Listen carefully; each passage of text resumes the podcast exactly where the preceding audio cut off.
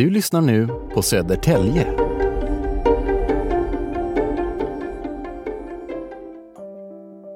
Sankta Ragnhilds kyrka med anor från 1100-talet ruvar på många berättelser.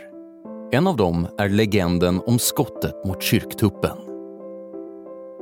Sommaren 1719 härjas den svenska ostkusten av ryssar. I ett försök att tvinga den svenska kungen att skriva under ett fredsavtal har den ryske tsaren Peter den store skickat sin krigsflotta över Östersjön. När den svenska kungen dröjer med sin underskrift sätter tsaren in terrorn. Ryska soldater och kosacker stjäl, skövlar och bränner allt de kommer åt utefter ostkusten. Förstörelsen är enorm. Tusentals slott, gårdar och torp bränns. Och Sverige har lite, om ens något, att sätta emot. Den 21 juli är det Södertäljes tur. På förmiddagen kommer en man inridande genom Järnatullen, stadens södra infart. Han anländer i hast, med andan i halsen, men lyckas ändå ropa “Ryssen kommer! Rätt nu i land!” Olycksbudet är dessvärre sant. Ett hundratal ryska kosacker har landstigit med hästar vid Brandalsund, en dryg mil söderut, och är nu på väg mot Södertälje. Kosackerna spiller ingen tid. De rider i ilfart och i samma stund som det dova ljudet från hästarnas hovar börjar eka i stadens utkanter tänder de sina facklor. Snart står hela Tälje i lågor. Försvar och motstånd är lönlöst för stadens borgare. Och någon hjälp från karolinerna, den svenska kronans styrkor, finns inte att få. De har positionerats på östra sidan av kanalen för att bevaka vägen mot Stockholm. Huvudstaden måste försvaras till varje pris.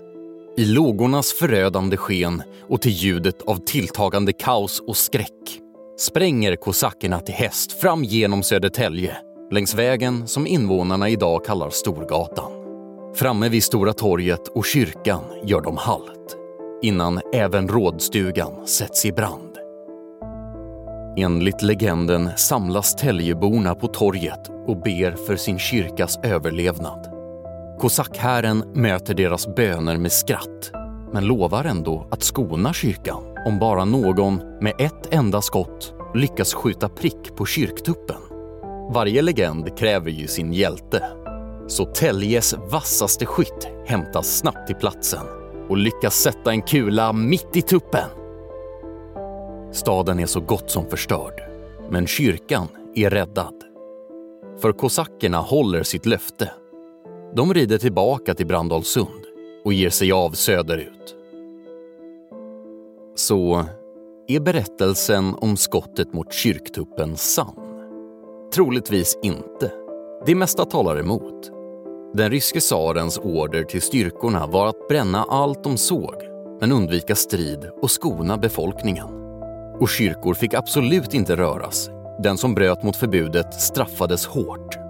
Det är inte heller säkert att den nuvarande kyrktuppen ens existerade år 1719. När Sankta Ragnhild kyrka drabbades av en brand 1881 rasade nämligen kyrktornet ihop. Och med största sannolikhet kostade man på sig en ny tupp när kyrkan byggdes upp igen. Så vad är sant och vad är legend? Ingen vet väl säkert, förutom möjligen den frodige kyrktuppen. Han som än idag vaktar över Sankta Ragnhilds kyrka med ett mytomspunnet litet skotthål i sin runda mage. Du har lyssnat på Södertälje